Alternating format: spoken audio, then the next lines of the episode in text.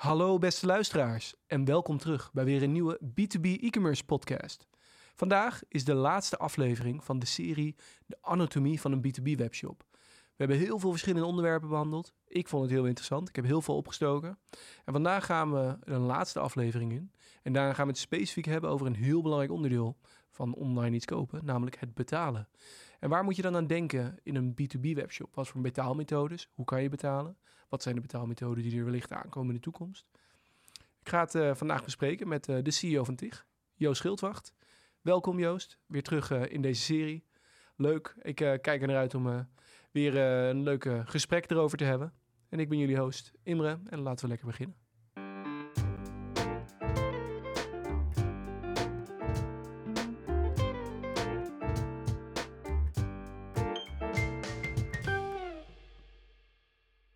Nou, Joost, fijn dat je er weer bent. Leuk. Uh, ja, ik heb je deze keer weer uitgenodigd. Je bent CEO van TIG, dus je hebt te maken met meerdere webshops die worden opgeleverd, waarin keuzes worden gemaakt. En natuurlijk heb je ook een paar eigen webshops gehad, waardoor je ja, het uh, wel aardig wat ervaring hebt kunnen opbouwen in de betaalmethodes. Het is een ingewikkelde wereld, maar het wordt steeds makkelijker, lijkt het erop, omdat je steeds meer aanbieders hebt die een soort van alles in één pakketje aanbieden. Um, maar ja, is het nou echt zo makkelijk in B2B? Dat is nog even de vraag. Ik uh, was ook voor uh, deze aflevering nog even in wat data gedoken. Om te kijken van, ja, wat is nou eigenlijk de stand van zaken? Wat zijn de meest gebruikte betaalmethoden? En ik was toch wel verbaasd toen ik zag dat uh, ongeveer 50% van de bestellingen nu via Ideal worden uitgevoerd. Wat toch een hoog percentage is. Want ik had nog ergens in mijn hoofd dat het nog steeds het grootste gedeelte via offerte zou zijn. of creditcard, die op nummer 3 staat. Maar ja, je ziet daar toch een beetje een soort van switch in komen. En wat dan de informatie die erbij was, want dat is een deel kwalitatief, is dat ze ook zeiden, um, we zien het voornamelijk gebeuren voor de kleinere B2B-producten. Mensen hebben geen zin meer om op goedkeuring van hun leidinggevende te wachten. Ze willen gewoon snel afrekenen en dan, dan hanteren ze dan later wel met een bonnetje, kunnen ze weer verder. Dat is natuurlijk een simpele interpretatie. Maar hoe ik hem zelf zie, is dat je, ja, we hebben het meerdere keren gehad over van B2C, dat wat B2B er nou echt van kan leren. Het lijkt een beetje alsof, alsof ook in B2B-landschap een beetje de payment-methode van, uh, van B2C steeds meer worden overgenomen. Um, ja, deel jij die interpretatie vanuit mij op deze manier? Of, of als ik je deze informatie vertel, zie je dat als een, uh, ja, als een ander teken? Hm. Ja, leuke vraag. Um, ja, ik denk dat ik in een van de eerdere podcasts al had uh, verteld over dat wat B2B, wat daarin gebeurt, zeg maar, dat je veel kan leren van B2C. Omdat als men thuis een bestelling plaatst en gewend is om op een bepaalde manier af te rekenen, dan is ook de wens om dat zakelijk te doen in een vorm, zeg maar, ook aanwezig. Dus wat dat betreft sluit dat wel aan bij uh, ja, jouw hypothese of uh, theorie uh, van waarom je ideal nu eigenlijk ziet hè, voor de helft 50 procent. Ja, de opmerking die ik daarbij wil plaatsen als allereerste is Ideal, is een typisch Nederlands product. Eigenlijk dus, uh, dan hebben we het over de B2B webwinkels in Nederland. Dus, en, of me dat dan verbaast, dan denk ik nee. Want als je, mm, voor, zeker voor kleinere producten zeg maar, wordt tegenwoordig ook al vanuit het administratieve boekhoudpakket... wordt er een betaallink gestuurd, wat dan ook uh, een QR-code is waarbij je kan afrekenen. Dus het verbaast me niet dat die adaptatie dan toeneemt. Um, je noemde de creditcard op de derde plek. Uh, ik weet niet of je die cijfers ook bij de hand hebt, zeg maar. Maar wat ik ook zou verwachten is dat die ook langzaam mee stijgt. Dat eigenlijk het gedeelte wat echt afneemt, is het aanvragen van een offerte eerst. En dan wachten en, en dan betalingsgoedkeuringsproces. Uh, ja. Ja, dat klopt inderdaad. Dat de offerte die loopt sowieso terug. Mm -hmm. um, de creditcard is ook een beetje teruggelopen. En ik denk meer dat... Hm de ideal, zeg maar die 50%, daar nog een deel van af heeft gesnoept. Hm. Dat we dan in één keer afrekenen. Deel je deze hypothese dat ook de betaalmethodes vanuit B2C steeds meer normaler worden voor B2B? Of zie je dat anders? Ja, uh, dat verbaast me niet. Volgens mij had ik in een uh, vorige aflevering als verteld dat B2B heel veel kan leren van B2C. Uh, en dat als jij thuis uh, eenmaal een bestelproces gewend bent, dan wil je eigenlijk dat vaak ook in een variant ook met B2B. Dus het verbaast me niet dat uh, betalen en via een ideal, zeg maar, wat dan een typisch Nederlands product is, dat dat toeneemt. En vooral voor de Nederlandse markt, hè, zoals je noemt. eh, ik denk dat in andere landen, die heb ik dan helaas, sorry, nu niet paraat. Maar ehm, ja, in Nederland, Ideal is heel normaal. En vooral met het stukje met de betaallink. Ik vind het ook heel makkelijk hoor. Ik merk het nu heel vaak dat bijvoorbeeld eh, de office manager nu heel vaak gewoon een, een betaallink krijgt. Kan in één keer afrekenen. Niet een creditcard invoeren of iets van dat. Maar gewoon in één keer een linkje in de e-mail en door en gaan. Het is ook veel makkelijker. Het is ook lekker Nederlands natuurlijk. Hè? Niet willen, een schuld willen en later weer terugbetalen. Maar zo snel mogelijk het in één keer eh, afgerekend hebben.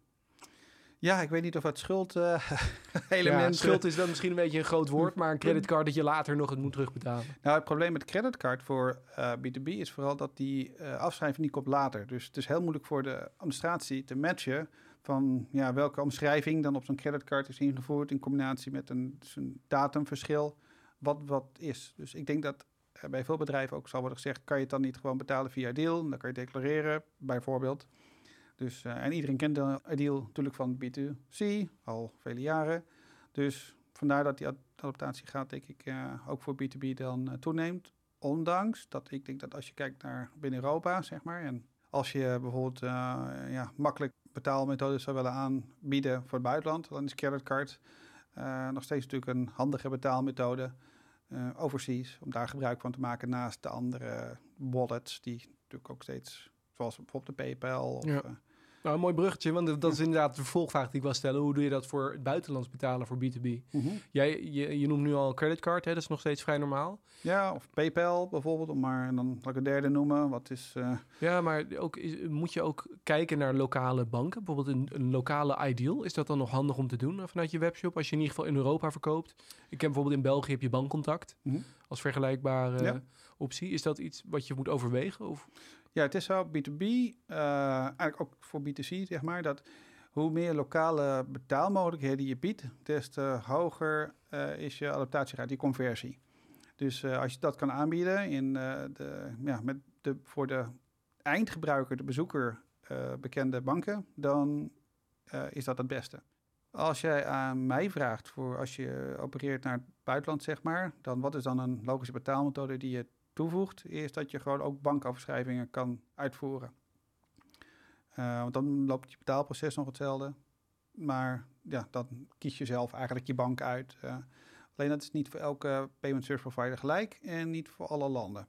En je moet je ook afvragen of je ook alle betaalmethoden naar elk land dan wil aanbieden, P2P-wise. Ja. Kan je voorstellen dat naar bepaalde Afrikaanse landen daar de kans op ja, misbruik Maar is het dan niet handiger om daar juist een lokale bank bij te zetten in plaats van een creditcard? Ja, als er maar niet het risico wordt verlegd dan naar jou als merchant. En als, er een, als je een PSP hebt, dan eh, is dat al een stuk safer. PSP, misschien even voor, ik denk dat het een vrij gebruikelijke term is, maar een payment service provider. Hè? Ja, klopt. Maar Ja. bijvoorbeeld als je het hebt over creditcards, de, nog steeds heb je te maken als merchant met eh, chargebacks die kunnen worden gedaan. Eh, nou is het wel zo ten opzichte van jaren geleden, zeg maar, dat een chargeback heel vaak werd gedaan. Dus dat wil zeggen dus dat je levert een product eh, en dan vervolgens dan geeft de eindgebruiker een claim dat het product is niet goed of is niet geleverd of iets in de trant. En dan stond je als merchant zijnde met je handen in het haar, want dan heb je het product heb je het gestuurd. De chargeback wordt gedaan door de creditmaatschappij, dus je, je geld wordt weer eigenlijk eraf gehaald. Je Mhm. geld wordt niet gestor- ge- gestort. En dan zit je dus met schade. Eh, alleen dat proces hebben ze veel moeilijker gemaakt. Dus ja, het verschilt per branche, zeker ook per product, zeg maar. Maar waar voor 1 op de 10 dan eh, kans was op een chargeback, is dat nu 1 op de 100 geworden, zeg maar. Omdat ja, je niet zomaar nu een chargeback als eh, eindgebruiker kan doen. Dan Ja. moet je formulieren voor gaan invullen en echt wel die claim gaan maken. En dan gaat de creditcardmaatschappij als broker daartussenin zitten. Ja, interessant inderdaad, die ontwikkeling daarin. Mhm. Ehm, een ander dingetje wat je net noemde, ik vertaalde nog even, PSP, Payment Service Provider. Ja. ja. Kan je nog zonder een Payment Service Provider tegenwoordig als een webshop? Ja, over de absolute vraag kan je er zonder, dat eh, kan ik je niet vertellen. Of je eh, met Mastercard er rond de tafel kan gaan zitten, ook redelijke wijs als niet Amazon zijnde. met, eh, ik wil rechtstreeks met jullie handelen, zeg maar. Maar ja, als je gewoon kijkt naar de praktische vraag, eh, ja, je zal altijd een payment service, nou niet altijd, maar je zal een payment service service provider willen hebben, misschien zelfs meerdere, voor het bedienen eigenlijk van je eindgebruiker om te kunnen betalen met een van de verschillende betaalmethodes. Dus ja, kan je eromheen? Hmm, misschien theoretisch wel, maar praktisch. Nee, je wil gebruik maken van een PSP die een wallet heeft. Er zitten ook veel voordelen aan natuurlijk. Hè? Je, je verdeelt Ja. een beetje je risico. Je betaalt er dan wel wat voor, maar het is ook Ja. het gemak, minder onderhoud. Ja, en wat bijvoorbeeld een, wat zou kunnen, eh, zeg maar, is dat je hebt een PSP en die biedt bijvoorbeeld, eh, nou in Nederland pak ik dan weer Ideal erbij en twee andere betaalmethodes, maar voor achteraf betalen kies je specifiek voor een Klarna. Veel PSP's hebben Klarna, eh, maar als jij een wat exotischere PSP hebt, he- hebt die heeft dan toevallig niet Klarna, zeg maar, dan kan je er wel voor kiezen om die toe te voegen aan jouw checkout proces. Ja, Als je gaat naar het buitenland, voor dat mensen in lokale valuta kan kunnen afrekenen, dan zal je de verschillen tussen de verschillende PSP's echt zien, zeg maar. Het allemaal binnen ja, Nederlandse la- landsgrenzen of Ja. binnen Europa is, zeg maar, dan is het overleef je het meestal wel met een over creditcard. allemaal gelijk, zeg Ja. maar. Dan heb je nog wat tariefverschillen, eh, maar dan is het ongeveer het aanbod eh, mm, best wel gelijk. Als jij gaat naar echt ja, daarbuiten, dan heb je gewoon PSP's die ja, niet eh, eh, meedoen met direct Amerika of ja, China, Amerika is zeg maar. Of dat, eh, APEC überhaupt. Gewoon, eh, ja, of dat ze alles omrekenen naar euro's in plaats van in lokale valuta. Dat Ja, soort dingen. ja, dat. Dat, dat zijn dan de details. ja, maar dat vindt al plaats natuurlijk met Engeland.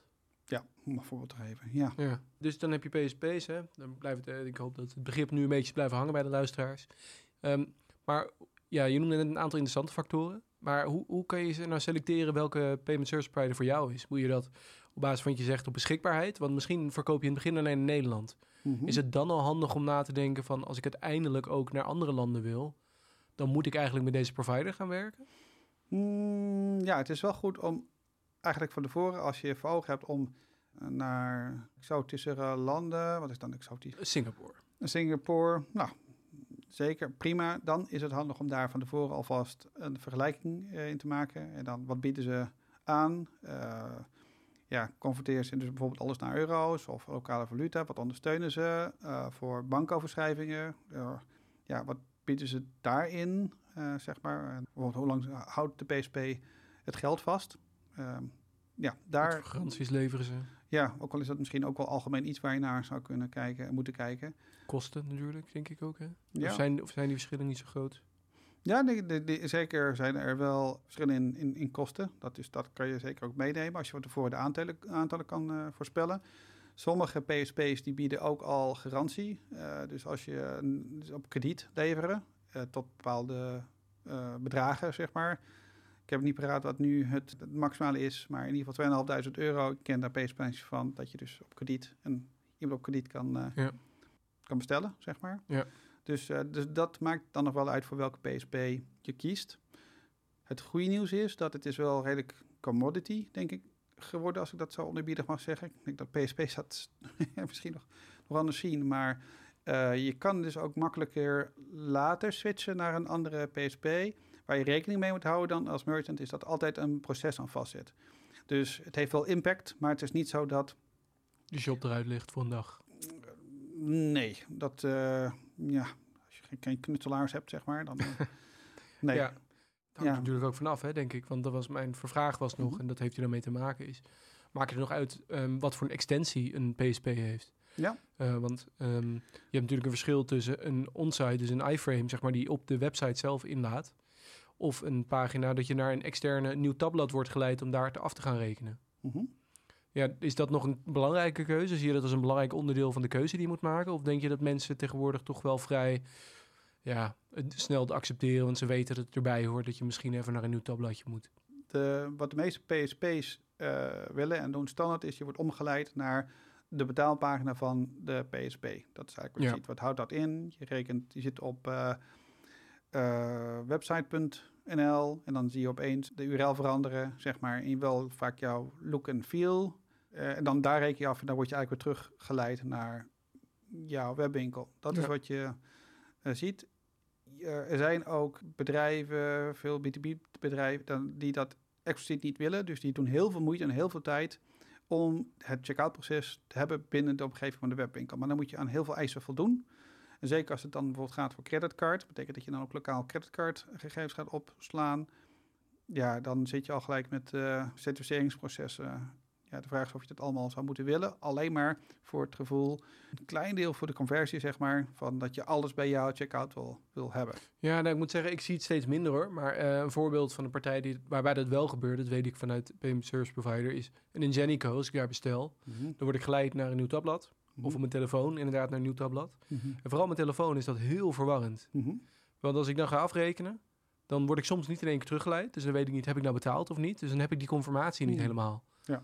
En dat vind ik wel, dat zie je nu steeds minder. Maar dat zou voor mij een dealbreaker zijn. Ik weet niet of het voor jou dan, zoals ik nu beschrijf, waarschijnlijk wel. Maar Nou, deelbreker. Ik denk dat er dan toch iets ook mis is in de user experience flow. Als ik dat zo hoor. Die ervaring zoals jij die hebt, heb ik niet. Maar eh, iedereen gebruikt eh, een andere device, denk ik. eh, Of Mhm. een, het gaat een ander proces in. Al geheel gezien is het het beste vanuit conversie... is dat de gebruiker niet wordt doorgestuurd naar tabbladen of naar andere eh, omgevingen. Eh, dus eh, En het kan ook steeds meer. Hè? Je hebt ook vanuit Nederland een Molly, volgens mij ook een Adyen, die doen gewoon, die kunnen hem laden binnen de checkout. Hm. Maar wel beveiligd, dus dat is dan weer heel mooi. Maar Ja, dat was eigenlijk altijd al. In het begin wa- was, ja, wilde iedereen allemaal in zijn eigen omgeving die betaling plaatsvond. PSP die vond dat op een gegeven moment nou, niet leuk omdat er ook geen data werd verzameld. En eh, ze moesten doen aan eh, PCR compliance, allemaal dat soort dingen. Ja. Ja, en wat je ziet is dat een aantal webwinkels dat toch blijven, bleef vasthouden, zeg maar. Ja, maar de, de wens vanuit de Burgent, die blijft altijd. En dat is eigenlijk zorgen dat je afrekent op de URL van de eindgebruiker. Dus ja, ten aan de PSP om dat mogelijk te maken. Ja, nee, dus er zijn allemaal bepaalde keuzes in te maken, maar afhankelijk van wat je nodig hebt. En je zegt dus ook, ja, het is belangrijk om na te denken waar je heen wil, zodat je niet continu hoeft te switchen. Maar je zit tegenwoordig ook weer niet zo vast dat je een keuze hoeft te maken voor de toekomst voor over vijf jaar, dat je daarom nu al die PSP moet kiezen. Klopt. Ja. En is het dan ook mogelijk eh, om twee PSP's naast elkaar te hebben? Want dat kan natuurlijk ook voorkomen dat je denkt, nou, ik vind deze heel fijn voor in Nederland, Mhm. maar ik wil nu ook in Azië afrekenen, maar dat kunnen ze niet. Ja, nee, dat ligt aan. Zeker, dat kan, maar dan ben je wel afhankelijk van het platform wat je gebruikt. eh, ja, of dat mogelijk is of niet. Vanuit Magento is dat mogelijk. Als je daar een partij hebt die daar ook eh, ja, werkt met een goede inrichting. Maar als je zit met een SaaS-platform, zeg maar, dan ben je meer overgeleverd aan de betaalmogelijkheden die het SaaS-platform eigenlijk aanbiedt. Dus dan kan je niet zeg maar twee PSP's eh zomaar toevoegen, zeg maar. Zeker niet als ze ook overlappende eh, betaalmethoden aanbieden. Oké, nee, helder. Nee, dat is goed om te weten. En inderdaad, want vooral dat stukje van die keuze maken. Want ik kan me voorstellen dat een payment service provider die eh, over de hele wereld aanbiedt, dat die misschien wel een stukje duurder is in de commissie. En als je daar pas over vijf jaar bent, dan heeft het niet zoveel zin om daar nu al op te speculeren natuurlijk. Ja, denk, je moet vooral acteren op vandaag en denken over morgen. Nou, dat lijkt me mooi gezegd inderdaad. Als we het daar toch over hebben. Nou, wat ik nog eh, wel belangrijk is om te vertellen, dat is dus dat je PSP, vroeger was het een keuze en die maak je bij het begin en dan zit je daar lang aan vast. Dat is dus niet meer het geval, want je kan makkelijker switchen van PSP en eh, je kan ook eh, vaker onderhandelen. Dat is het goede nieuws. Het is wel zo dat je nog steeds moet beseffen dat als je switcht van PSP, dat je dat wel eh, werk oplevert. Want je workflow is anders. Elke Ja. PSP heeft zijn eigen ja, beheersinterface, zeg maar. Dus dat betekent als je een koppeling hebt met je boekhoudpakket, wat je waarschijnlijk zal hebben, ja, die moet weer op andere manier plaatsvinden. En de inrichting moet anders plaatsvinden. Dus het is eh, ja, niet zo heel zwaar zoals vroeger. Of nou moet denken, maar je moet wel een, een, van tevoren goed je huiswerk doen en je laat informeren zelf door het onderzoek te doen eh, of door een adviespartij die daar veel ervaring mee heeft. Ja, zodat je in ieder geval de aankomende tijd goed zit en dat je bijvoorbeeld niet achterkomt na een mm, livegang en, En na een traject. Ja. Oh, eh, we willen ook graag buitenlandse overboekingen vanuit eh Namibië doen, zeg maar. Ja, dat wordt niet ondersteund. Want dan zit je gelijk weer met de issue. Vanuit de ervaring van, van B2B, zeg maar, wat ik zie in de markt, wat ik merk, is dat eh, bedrijven vanuit een- de rol van CFO, die zijn heel genegen om snel te schakelen van de ene betaalprovider naar de andere betaalprovider. En dat zie ik ook. Wat, eh, wat ik zou willen behoeden daarvoor is dat op papier kan dat bijvoorbeeld 10.000 of 15.000 of veel meer zeg maar schelen. Eh, het switchen van de ene betaalprovider naar de andere betaalprovider per jaar trouwens zijn die bedragen of per maand. Dat, Eh, wat vaak de CFO dan niet beseft is dat je gaat in het meest belangrijke onderdeel van de checkout. dat hebben we het ook over gehad in uh, deze podcastserie, ga je wijzigingen aanbrengen. En dat heeft dus impact op je administratie, maar ook op je user experience. En het team, vaak die dat moet uitvoeren, die de, hè, die focus heeft op die conversie en dat je heel vaak in die checkout zoveel mogelijk kan optimaliseren, daar zit wel een grote impact. Dus wat ik wou zeggen is, uh, beste CFO, als jij een keuze maakt voor een andere payment service provider, hou er wel rekening mee dat je dan even met het team checkt van wat de impact is op jouw checkout. En dat je dat niet uit het oog verliest, want anders kan het best wel zijn dat je uh, dat geld wat je dan bespaart indirect uh, toch terugbetaalt aan een verminderde user experience of aan de kosten die je team moet maken om die switch te maken en de administratie op te leiden. Dat je dat niet uit het oog verliest. Dus dat is meer een. Uh, troubleshooting natuurlijk. Dat ze niet weten wat ze moeten doen als iets verkeerd gaat. Ja, want op papier ga je er dus een stap vooruit als het gaat voor eh, kostenbesparing, zeg maar. En misschien ook omdat je dus wat extra betaalmogelijkheden zeg maar, aanbiedt, wat op zich positief is. Maar het switchen aan zich, ondanks dat het wel redelijk commodity is, heeft nog wel een impact op het meest belangrijke onderdeel, conversie-wise. Ja, nee, helder. Dus uh, de stap kan je maken, maar dat betekent niet dat je hem continu moet maken. Exact, voor die paar euro wat je dan uh, kan besparen op een wat duurdere transactie. Ja. Nou, dankjewel Joost. Heel veel, uh, ik denk nuttige informatie. Ik denk vooral praktisch ook voor uh, onze luisteraars die denken van... ik moet binnenkort de keuze maken of ik weet nu niet zeker of ik heel happy ben. Ik zal even heel kort samenvatten wat, je, wat we allemaal hebben besproken. Is meer van, ja, we zien steeds meer dat ja, Ideal een beetje op, oprukt in B2B-landschap voor betalen. Ehm, maar ja, dat uh, jij ook verwacht eigenlijk dat, uh, ja, dat steeds normaler wordt, omdat het ja, B2C is toch een beetje vaak de frontrunner van B2B. Maar dat je offertes niet uit het oog moet verliezen. We hebben het daarna gehad over PSP's, dus Payment Service Providers. Waar moet je nou op letten? Wat is nou goed en wat is nou niet goed? Je hoeft je niet vast te pinnen vanaf het begin uh, op een provider waar je over vijf jaar uh, de bepaalde service voor nodig hebt. Maar wel goed nadenken over wat heb je nou echt nodig nu, zodat je Payment Service Provider kan helpen. Weet wel dat je bepaalde commitments aangaat, workflows inricht die aan elkaar verbonden zijn. Dus als je daar eh, later nog uh, in wil gaan veranderen, dan, uh, ja, dan gaat je tijd en moeite kosten. Kan natuurlijk veel opleveren, maar daar moet je gewoon goed over nadenken. En ik denk dat dat, ja, zoals ik zei, ik denk dat dit heel nuttige informatie is voor onze luisteraars. Mocht ze toch nog vragen hebben, dan kunnen ze natuurlijk altijd bij jou of mij terecht. Om toch nog wat meer de diepte in te gaan. En daarmee zijn we ook aan het einde gekomen van deze serie, de anatomie van een B2B-webshop. Ik vond het zelf een heel interessante serie. We hebben in zeven afleveringen de verschillende onderdelen van de B2B-webshop uh, eh, bekeken, benaderd, besproken, best practices nagelopen. En uh, ja, ik hoop ook dat het voor jullie als luisteraars ja, een, en ander nieuwe informatie heeft opgedaan. Of inspiratie in ieder geval, wat je nog meer zou kunnen doen. En uh, ja, wees niet bang om daar later nog een keer op terug te grijpen hoor, mocht je nog een keer twijfels hebben. Um, maar dat betekent wel dat we aan het einde zijn gekomen van deze serie. Dat betekent niet dat we gaan stoppen met de podcast natuurlijk. We gaan door met meer reguliere afleveringen dat we over twee weken weer terug zijn. En dan hebben we een hele leuke gast, want dan gaan we het hebben over middleware. En die doen we samen met uh, Daiti, met uh, Jamie. Die gaat ons er van alles over vertellen. En uh, ik denk dat het ook heel interessant kan zijn om eens te horen van... ja, wat is er nou nog meer? Wat is in hun ogen nou de toekomst? Wat, wat kan je nou allemaal doen met middleware? Wat zijn de voordelen ervan? Dus daar gaan we het volgende keer over hebben. Hopelijk zien we jullie dan weer. En dank voor het luisteren. Tot de volgende keer. maar nee, ik heb nog een leuke outro. Zeg Imre, even by the way, wat heb je voor een rare bankman dat je een tapje krijgt? Weet je wel zeker dat het niet een Nederlandse bank is? Heb je telefoon op malware gescand? Ja, het zou best goed kunnen, ja. Dus ik ben al heel veel geld kwijt. Ik snap niet waar het heen was. Had je bij dit tapje ook niet de dansende dames toevallig? Ja, ja die waren er ook oh, bij. Ja, maar ik dacht dat het onderdeel was van de shop eigenlijk. Uh, ja, ik weet niet welke shop dat dan zijn, maar... Ja, schoenenwinkel. Kan je iets vertellen erover?